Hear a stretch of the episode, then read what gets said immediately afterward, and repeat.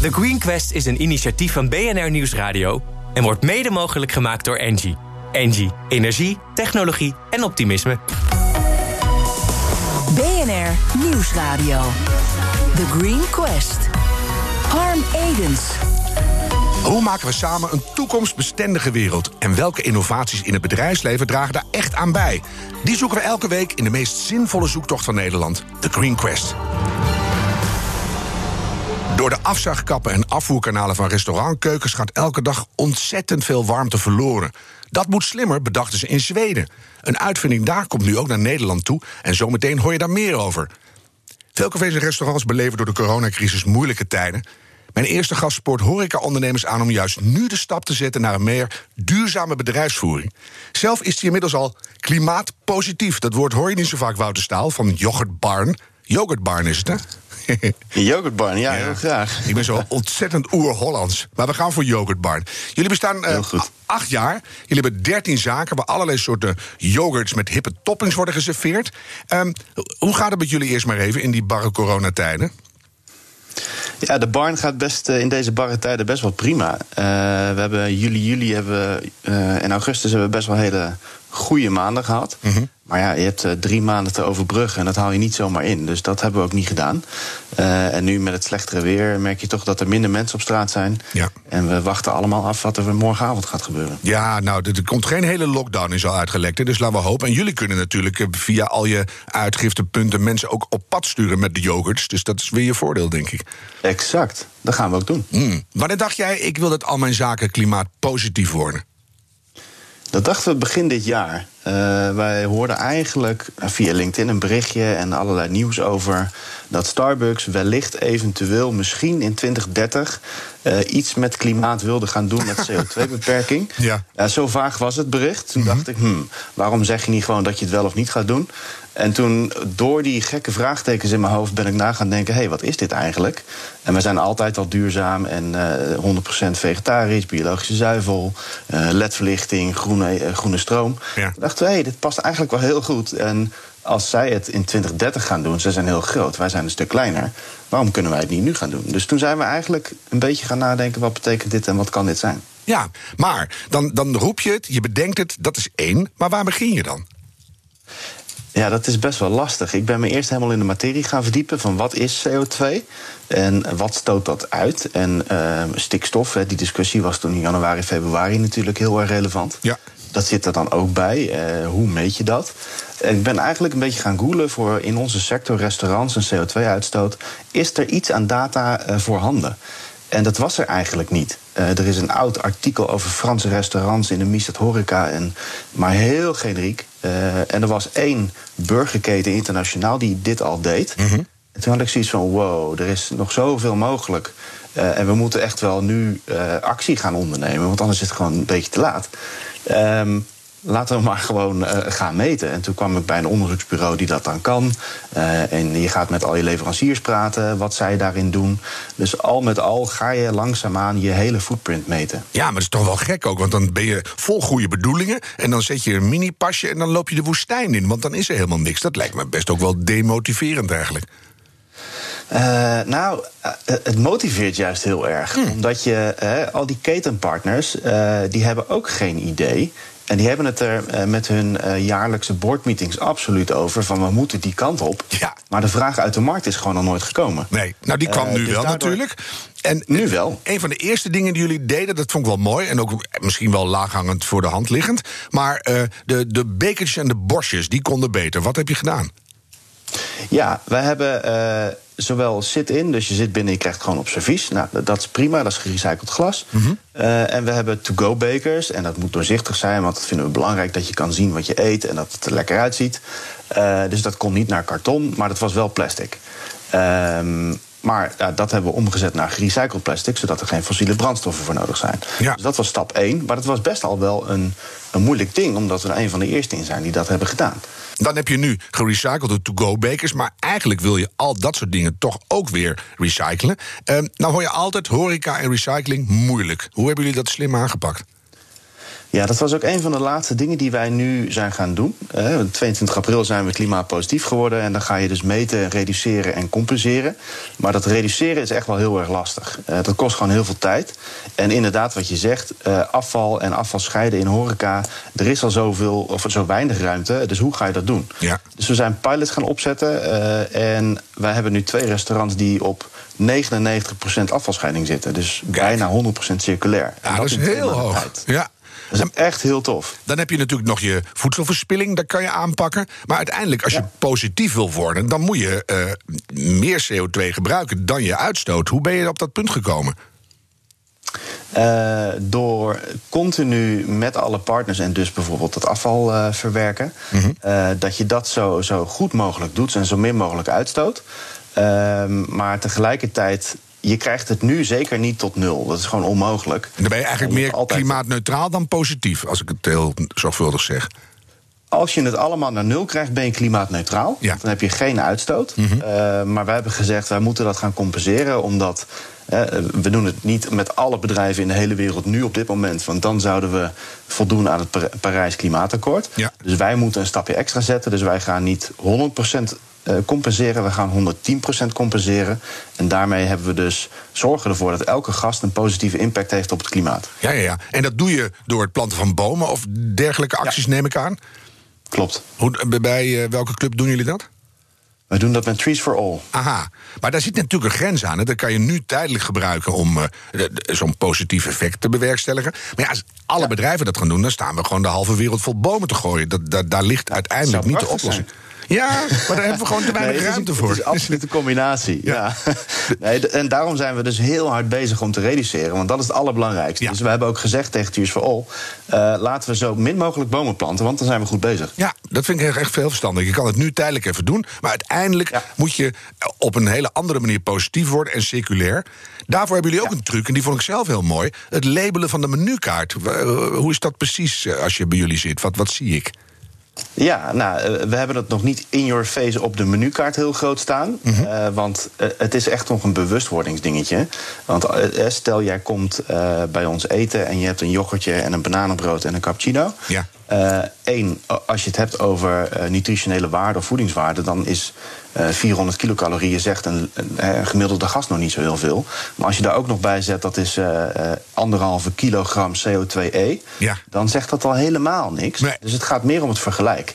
Dat je kan kiezen, eh, niet alleen op smaak en op prijs en hoeveelheid, maar dat je zegt van joh, ehm, eh, normaal gesproken neem ik eh, met, met bosbessen. En die heeft eh, eh, een, een donkergroene, dus dat is hartstikke goed. En ik heb een andere, eh, die inspireert me ook wel. Maar ja, die, die is nog groener, die, die is beter voor het milieu, minder uitstoot. Laat ik die eens proberen. Ja, dat je Dus bijvoorbeeld ziet. om de De avocado en de banaan zijn eigenlijk helemaal niet zo goed. En, en de bosbessen van eigen bodem in het seizoen zijn wel supergoed. Maar doe het dan weer niet Ja. in november bijvoorbeeld of zo. Ja, en ik, ik kwam er dus achter dat komkommer in het kasseizoen, dus eigenlijk vanaf nu, eh, dat die een hele negatieve impact heeft. Dus eh, komkommers, ja, dan ga je dus ook met inkoop nadenken. En met je eh, gerechten moet ik nog wel komkommer in die periode voeren. Ja, dus je moet echt heel goed nadenken. Ja. Ik, ik zou dat leuk vinden als klant als ik dat kon zien hoor. Want ik bedoel ook het verschil tussen een gewone, gewone koffie en een cappuccino. De cappuccino is de biefstuk onder de koffies natuurlijk. Ligt eraan welke melk je neemt. Dat is weer een goede opmerking, Wouter. Ja. nou, nou, zijn jullie eh, daar vanaf januari, februari echt fanatiek mee aan de slag gegaan? En jullie roepen andere ondernemers op in de horeca. Ga dat ook doen. Denk nu na over duurzaamheid. Maar ja, die denken, ik heb een coronacrisis, ik heb iets anders aan mijn hoofd. Namelijk water dat ongeveer al boven mijn lippen staat. Wa- Wat zou je Ja. tegen die ondernemers willen zeggen? Ja, begin heel klein. Eh, het begint bijvoorbeeld met groene stroom. Dat is zo'n makkelijke. En eh, juist, stel je hebt al twee jaar lang eh, energiecontracten lopen. En je neemt best wel eh, gemiddelde horecaondernemer met een grote keuken neemt veel energie af. Ja. Zowel gas als elektra. De energietarieven nu zijn best wel laag. Dus dan kun je of voor de bodem bodemprijzen gaan grijs. Maar als je net iets meer betaalt en dan is het volledig groen. Eh, dus heb je geen CO2-uitstoot meer op je energie. Ja. En je bent gewoon minder geld kwijt dan wat je nu betaalt. Dus dat is, dat is nummer één. En misschien nog een stapje eh, abstracter. Als je nu eh, in de horeca gewoon minder aan het, met je bedrijfsvoering bezig bent, heb je misschien tijd om daarover na te denken en collega's te bellen. Ja. En als het weer gaat lopen, kan je misschien dan de juiste stappen gaan zetten. Maar dan heb je al het denkwerk wel Ja. verricht. Dat is exact wat wij ook doen. Aha. En zou het, denk jij, ook richting banken en financiers helpen? Want eh, op een gegeven moment heb je ook weer een impuls nodig als het doorstart komt. Om uh, zaken die aan het verduurzamen zijn, uh, dat die makkelijker krediet krijgen, bijvoorbeeld. Ja, eh, daar pleit ik zeker voor. Ik bedoel, het gaat niet alleen, uh, stel btw-tarief uh, naar 6% of mm -hmm. lager, wat je in omringende landen ziet. Ja. Maar ook met financiering, uh, dat je moet laten zien wat je doet. Of wat je plannen zijn in de toekomst. Hè. Want ik kan me ook voorstellen dat het nu even niet aan de orde is. maar maak nu die plannen en voor de banken zeker. zorg ervoor dat er 0,3% minder rente wordt gevraagd. Ja, en, en je corporate story, hè? Want yoghurt kunnen we overal wel kopen. Maar als de yoghurt barn gewoon super duurzaam is, ja, dan denk ik toch, ik ga daar naartoe. Exact. Als iedereen dat denkt, ben ik hartstikke blij. Ja, nou, dat heb je dan aan jezelf ja. te danken, Wouter. waar loop jij nog tegenaan in jouw missie? Want je wil het echt steeds positiever krijgen daar. Waar, waar, waar zitten de moeilijkheden? De moeilijkheden zitten eigenlijk in de, de, de voedselinkoop. Uh, 85% van onze uh, uitstoot is op basis van wat we inkopen aan voedsel. Mm -hmm. En we hebben Zero Food Waste Policy, dus we hebben eigenlijk amper uh, iets wat we weggooien. Afval doen we al goed, maar het zit hem echt in de keten. Dus hoe krijg je al die de koekjes, het fruit en, dan, en alle, ja. alle yoghurt, hoe krijg je die naar nul? En dat heeft echt tijd nodig. en gelukkig zeggen we nu met z'n allen, nou gelukkig. Uh, het is heel goed dat we dat doen. Dat we zeggen, joh, we moeten naar 55% uh, CO2-reductie in 2030. Ja. Uh, ik denk dat we dat binnen nu een twee, drie jaar al gehaald hebben. door onze inspanningen. Dus het is echt mogelijk. Maar die, die, dat is ook met bedrijfsoptimalisatie. De laatste percentages die zijn gewoon heel moeilijk. Ja, maar nou vergeet je even bij jullie. Je denkt, want het is yoghurt en uh, gooi er nog een koekje tegenaan. Maar jullie hebben 400 ingrediënten in je, in je keten. Dus dan ben je ja. aardig wat gesprek aan het voeren, neem ik aan. Ja, en dat is voor een keten of voor een restaurant is 400 nog niet eens zo heel veel. Want er zit ook een, een lepeltje of een glas bij oh, ja. uh, die je één keer in het jaar inkoopt. Ja. Maar uh, dat, dat valt nog mee. Maar ja, dan ben je best wel wat gesprek aan het voeren. En wat zijn de meest uh, irritante tegenstribbelaars? In welke hoek zit dat? Die zeggen van nou, Wouter, hoepel op man met je verhaal. Hebben we nog niet gemerkt. Dus jij Nee, sleept ook al je leveranciers mee? meedenkend. Ja, dus je, je hebt een positieve invloed op de hele keten. Nou, wij, wij zijn eh, bijna B Corp gecertificeerd. Dus we zitten volledig in die assessment. Eh, en dan, dan daar leer je ook weer van. Eh, dus we hebben een, een code of conduct voor onze suppliers opgesteld. Waarbij, waarbij we eigenlijk tegen onze leveranciers zeggen... eh, je moet aan die en die voorwaarden voldoen. Anders dan gaan we bij anderen afnemen. Kijk. Ehm, en dat, dat is ontzettend interessant, omdat je daarmee je jaargesprekken ook op een veel ehm, ja, inhoudelijkere manier gaat voeren. Eh, Ja, en toekomstgerichter. dan over prijs. Ja. ja, ja absoluut. Ik ga je enorm bedanken, Wouter Staal van de Yoghurt Barn. En eh, als ik in de buurt ben, welke topping is een absolute must? Oeh, eh, ik zou altijd de seizoensspecial nemen. Die is van het seizoen eh, eventjes tijdelijk lekker. Ik hoor het Absoluut al. doen. Geraste spitskool, dat wordt hem. ja, lijkt me lekker met spruitjes. Elke week zoeken we in dit programma naar de meest duurzame innovaties van Nederland. Vandaag nummer 6 in de Green Gallery van dit jaar. De Lepido, een afzuigsysteem dat warme lucht van het koken opvangt en hergebruikt. En hun innovatie klinkt ongeveer zo.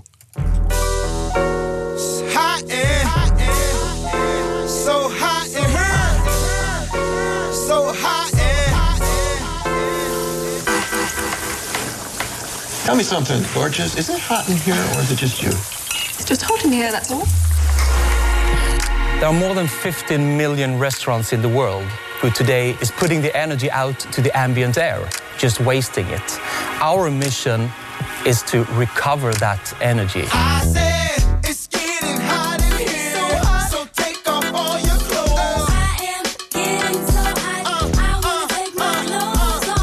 Ja, nadat van zo'n muziekje, dat je, krijg je het ook weer warm van. Pieter Jan van Linden van NJ Systems is hier. En als het goed is, dan is eh, Chantal Vergouw, jurylid, eh, ergens aan een lijn. Chantal, hoor je mij?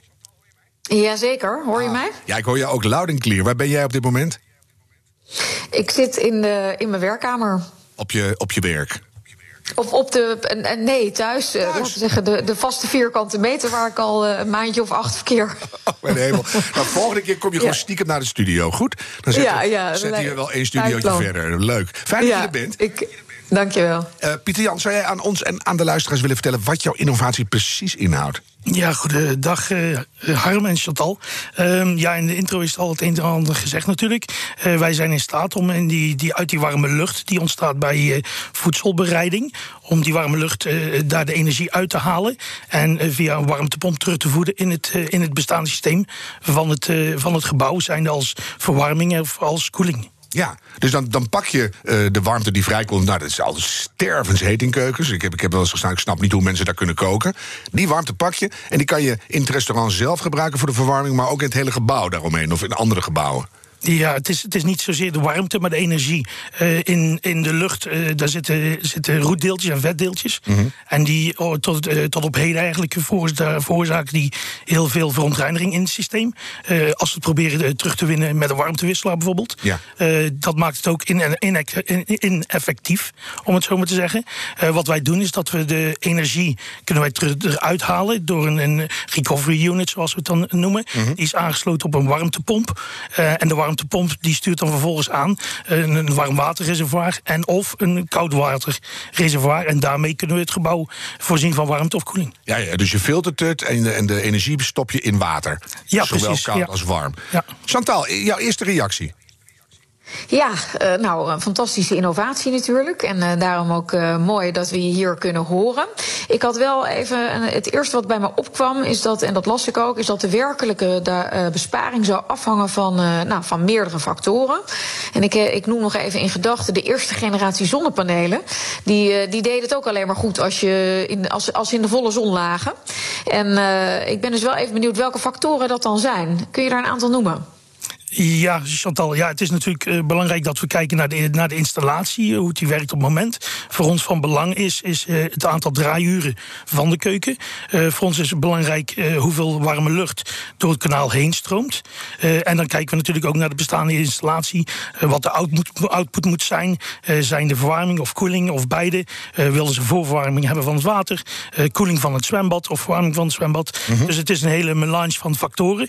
Maar wij zijn dan wel met onze technische mensen in staat om, om, om naar een project te kijken, eh, dat eh, eh, eh, te bestuderen en een voorstel te doen aan de klant van goed, dit kunnen we doen, dit kunnen we besparen. En dan is het natuurlijk aan de klant om te beslissen van ja goed, eh, dat, dat staat me aan of, of ja, nog niet. Ja, en is het moeilijk te installeren en hoe lang duurt het voor ik hem er weer uit heb? Eh, Goed, eh, het is, eh, het is niet, niet moeilijk om te installeren. Elke installateur kan het. Ze worden ook door ons getraind. Ehm, het is in principe de, de, de recovery unit. Die installeren wij in het, in het eh, luchtbehandelingskanaal. Die wordt aangesloten op een warmtepomp die wij ook leveren. Die wordt aangesloten op de, op de warmwatertank en of de koude watertank. En die wordt eigenlijk dan aangesloten op het bestaande systeem van het gebouw. Als je dan hebt over een, een return of investment, zoals we het noemen, ehm, proberen wij, of ons doel is om dit eh, rond de drie jaar te houden. Maar dit is eh, sterk afhankelijk van, eh, of sterk afhankelijk, dit is, dit is waar we ongeveer op het moment op zitten. Ja. Maar het is ook afhankelijk van het eh, bedrijf natuurlijk. Ja, maar dat vind ik nog wel heel erg te overzien. Dat gaan we normaal gesproken nog wel meemaken met z'n allen. Dus, en kan het Ah. ook... Ja, ga je gang. Ja, ik was nog wel even benieuwd, want hè, het is toch geschikt voor, eh, klinkt als voor professionele horeca-achtige eh, settings. Eh, de horeca heeft het natuurlijk ook heel erg moeilijk. Hè. Ik kan me voorstellen dat aan de ene kant zeg je, nou drie jaar valt mee, hè, maar investeren is op dit moment denk ik best, best heel erg lastig voor deze sector. Hoe trek je dan klanten over de streep? Ja, goed, wij, wij zijn een, een zogenoemde scale-up bedrijf. Eh, wij zitten ook nog vast, of wij zitten vast aan inv- investeerders. Eh, we hebben een bepaald groeitraject ingezet. Eh, niet alleen als we kijken naar de omzet natuurlijk, maar ook hoe, hoe het bedrijf ontwikkelt. En we kijken naar bepaalde markten in Europa, die, die voor ons goed zitten qua energieprijzen en dergelijke. Als we nou kijken in de tegenwoordige tijd, ja, dan zijn er gewoon bedrijven die, die financieel nog wel kunnen investeren. Er zijn ook bedrijven en, en overheidsinstellingen die zeggen ja goed, wij willen toch nog doorzetten met eh, duurzame energie, eh, kijkend naar de CO2-uitstoot. En dat zijn eh, nu in principe nu de mensen die wij als eerste aanschrijven en achteraan gaan. Ja, dus de clubs die het kunnen handelen, die mogen nu. En de overheid speelt. Die hebben natuurlijk ook bedrijfskantines en Tweede Kamerinstallaties en noem maar op. Dus die ga je eerst pakken. Eh, in Zweden heb ik begrepen dat de Burger King al meedoet. Hoe zit het in Nederland? Heb je al klanten? Nee, in Nederland, we gaan net we gaan beginnen in Nederland. Eh, ik ben vrij recent, een half jaar jaar geleden bij het bedrijf gekomen. Eh, eh, ik ben verantwoordelijk voor de verkooporganisatie. ehm, die, we, die we moeten opzetten eh, in, in de gebieden die wij gestipt hebben. Van oké, daar, willen wij, daar willen wij als eerste ingaan. Ja. Kan je zeggen welke bijvoorbeeld? Eh, eh, nou goed, we hebben nu gezegd, oké, we hebben Zweden. Dan gaan we, de volgende was dan eh, de Benelux. Met name ook omdat ik hier woon. Maar een groot gebied is natuurlijk is Duitsland. reden. Ja, ja, En goed. Maar dan heb je toch overal Burger Kings en McDonald's. En dus, volgens mij kan je gewoon enorm uitpakken als je wil. Ja, precies. Maar je ziet wel bijvoorbeeld, goed, we hebben heel goed succes hebben geboekt met Burger King in, in Zweden. Ehm, die hebben ook gezegd vorig jaar, oké, op alle nieuwe Burger Kings die we gaan bouwen, daar komt een Lipido-installatie op. Dit jaar hebben ze toegezegd van, oké, op alle bestaande, dan gaan we een programma inzetten van, oké, we gaan eens kijken van, oké, hoe is de installatie bij die eh, vestigingen? Kunnen we het daar ook op doen? En dat zijn er ongeveer ook 250. Dus die, die, dat, dat, dat, eh, dat eh, eh, geboekte resultaat dat we in Zweden hebben, is natuurlijk fantastisch. Alleen dan moeten we het zien te vertalen in, in, in meer lokaal Nederland. Ja. ja dus, dus daarmee moeten we nu verder. En je ziet wel dat management van, van Burger King hier en daar ook nog iets verschilt natuurlijk. Dus ja. Je hebt een hele grote potentiële klant aan de lijn, Chantal. Want Interpol is nou, een gigantisch gebouw met een bedrijfskantine.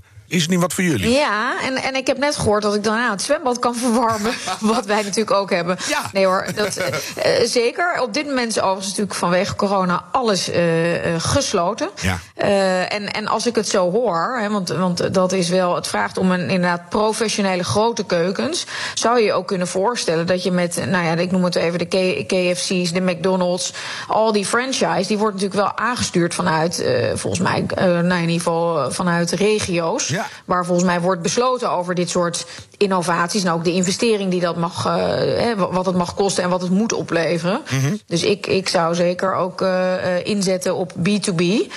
En, en op grote ketens, omdat die zich denk ik het ook nog kunnen veroorloven Ja. in de huidige tijd. Omdat ik echt denk dat de horeca aan zich nou, het best lastig heeft om dit soort investeringen die dan toch weer drie jaar kosten, Ja. om die terug te verdienen. Nou, ik vind dat een goede tip, want met de gewone horeca kan je het nu even schudden, denk ik. Die moeten echt zien te overleven ja. als het al lukt. En die kunnen natuurlijk wel kijken nu. Dat zei ik tegen Wouter van de Yoghurtbar net ook. Er is wel een, een kijktijd voor de horeca. Dus als je met de grote keten start, dan, dan zou het moeten kunnen, Pieter Jan. Wat denk ja, je? pre- ja, precies. Eh, we hebben ook ingecalculeerd dat er is tijd voor nodig natuurlijk. Het is niet dat wij een, eh, een pak koekjes verkopen waar je zegt van ja goed, iedereen weet wat een pak koekjes is. Eh, het is een nieuw product, het is een, een nieuwe innovatie.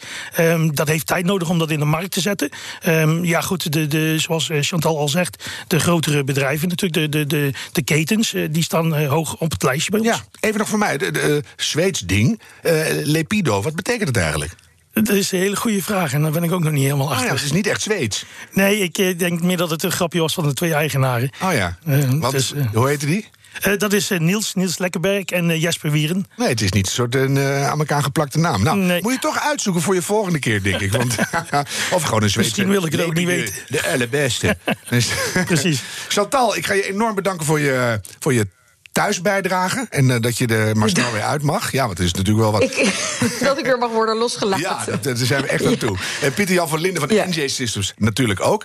Heeft jouw bedrijf nou eh, minstens net zo belangrijke innovatie? Meld die vandaag nog aan voor onze competitie op thegreenquest.nl. En deze aflevering terugluisteren kan via de BNR-app, bnr.nl... of natuurlijk op je favoriete podcastkanaal. En bedenk minstens één keer per week... die volhoudbare wereld, die maken we samen. The Green Quest is een initiatief van BNR Nieuwsradio en wordt mede mogelijk gemaakt door Engie. Engie, energie, technologie en optimisme.